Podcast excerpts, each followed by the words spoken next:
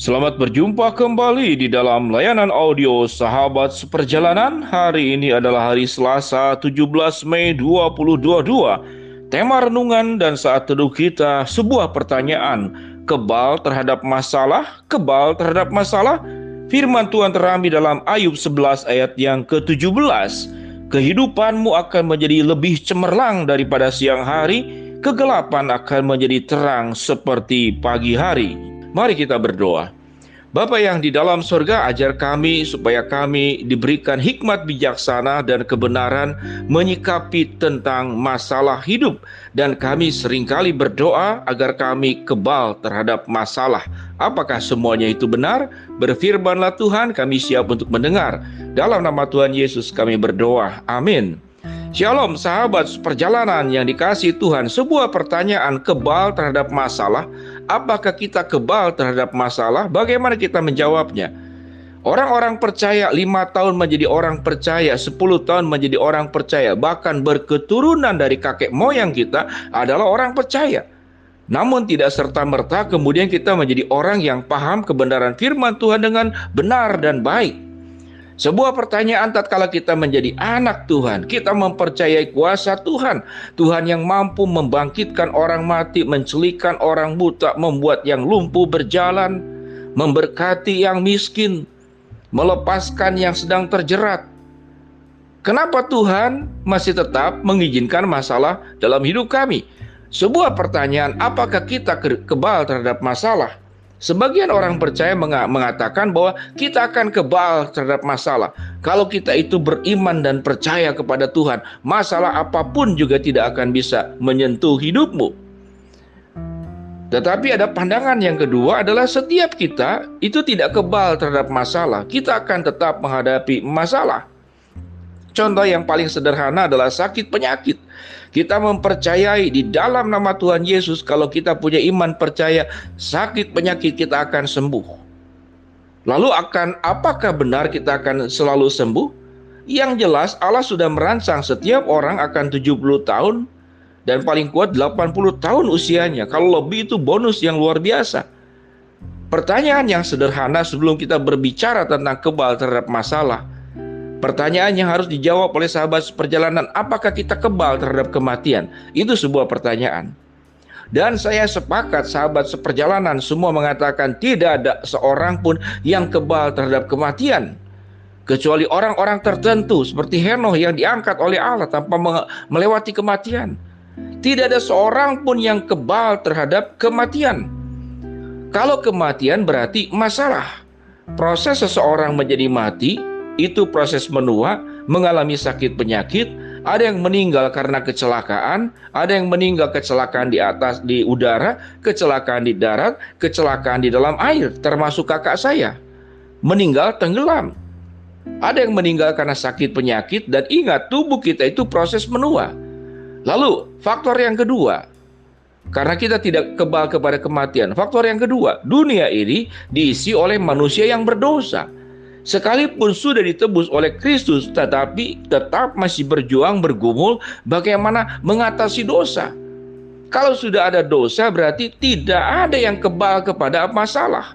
Akan selalu ada orang jahat, akan selalu ada pembunuh, akan selalu ada perampok, akan selalu ada orang yang suka mengfitnah, akan selalu ada orang tidak setia, akan selalu ada orang yang memanfaatkan, tatkala kumpulan manusia yang tidak sempurna, merekalah pencipta masalah. Sehingga masalah itu ada di kiri kanan, atas bawah, depan belakang. Dan kita sendiri adalah sumber masalah. Buat diri kita sendiri ataupun diri orang lain. Sehingga pertanyaannya, apakah kita kebal terhadap masalah? Jawabannya, tidak ada seorang pun yang kebal terhadap masalah. Proses yang berikut adalah sebuah janji Tuhan bahwa tatkala kita menghadapi masalah, kita akan selalu keluar sebagai pemenang. Kita akan selalu keluar mengalahkan setiap masalah yang ada. Itu janji Tuhan yang tercantum dalam Ayub 11 ayat yang ketujuh. Kehidupanmu akan menjadi lebih cemerlang daripada siang hari. Artinya sebelumnya ada proses yang tidak cemerlang. Ada proses dalam kegelapan. Ada proses yang katakanlah suram. Dari suram kemudian menjadi cemerlang. Kegelapan akan menjadi terang seperti pagi hari. Berarti sebelum ada sinar pagi hari ada kegelapan yang menyelimuti kita. Kegelapan dan kesuraman adalah masalah. Namun Tuhan menjanjikan yang namanya itu kemenangan. Sahabat seperjalanan yang dikasih Tuhan, berhenti pada titik ini, maka kita akan memperbaiki konsep teologis kita, konsep pemahaman kita tentang kebenaran firman Allah.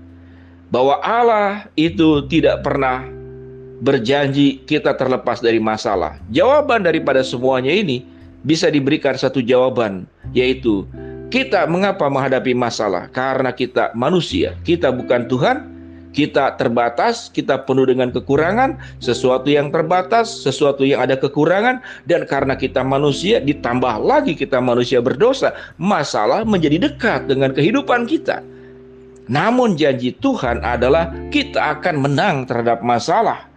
Kehidupanmu akan menjadi lebih cemerlang daripada siang hari, kegelapan akan menjadi terang seperti pagi hari. Ini adalah janji Tuhan. Janji Tuhan, tatkala kita menghadapi masalah, kita tidak ditinggalkan.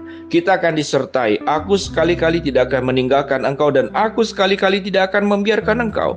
Aku merancangkan rancangan damai sejahtera dan bukan rancangan kecelakaan. Masa depan yang penuh dengan harapan. Pencobaan-pencobaan yang kamu alami adalah pencobaan biasa yang tidak melebihi kekuatanmu.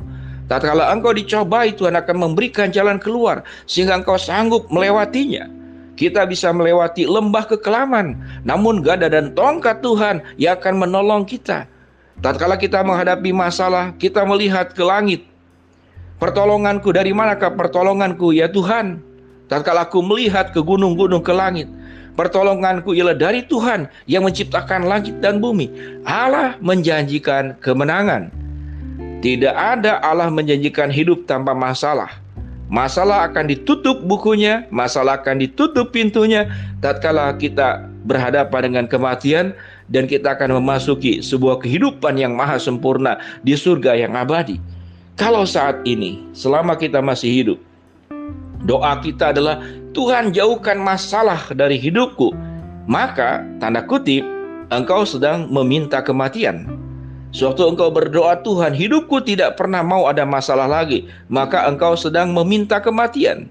Engkau sedang meminta bahwa engkau akan pulang ke rumah Bapa di surga Lebih cepat daripada teman-teman yang lain Sahabat seperjalanan yang masih tinggal di dalam dunia ini Sehingga sewaktu engkau berdoa Tuhan jauhkan masalah dari hidupku Maka engkau sedang memohon lebih cepat pulang ke rumah Bapa di surga Dan saya percaya bukan doa itu yang kita minta sehingga jangan salah berdoa, jangan punya konsep yang keliru tentang masalah, masalah tetap ada yang Tuhan janjikan. Tuhan akan memberikan kemenangan sebagaimana dalam Ayub 11 ayat yang ke-7. Kehidupanmu akan menjadi lebih cemerlang daripada siang hari, kegelapan akan menjadi terang seperti pagi hari. Mari sahabat seperjalanan, kita berjuang. Sewaktu kita salah konsep tentang masalah, yang terjadi adalah keluh kesah, menyalahkan Tuhan, lalu menyalahkan diri sendiri. Jangan, jangan saya tidak beriman. Jangan saya, jangan saya kurang percaya. Itu bukan masalah kurang percaya dan kurang beriman, karena memang hidup kita tidak pernah akan lepas daripada masalah. Yang Tuhan janjikan, Tuhan akan mengangkat engkau menjadi pemenang. Tuhan akan membuat kesuraman hidupmu menjadi cemerlang. Tuhan akan membuat kegelapan hidupmu menjadi terang seperti pagi hari. Ayub 11 ayat yang ke-7. Mari kita berdoa. Bapa yang di dalam surga, terima kasih buat kebenaran firman Allah yang diajarkan kepada kami, bahwa kami tidak pernah lepas dari masalah, namun kami akan selalu menjadi pemenang menghadapi masalah.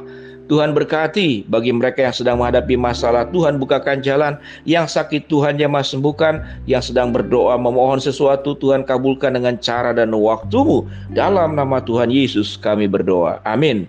Shalom sahabat seperjalanan. Tuhan memberkati kita semua. Amin.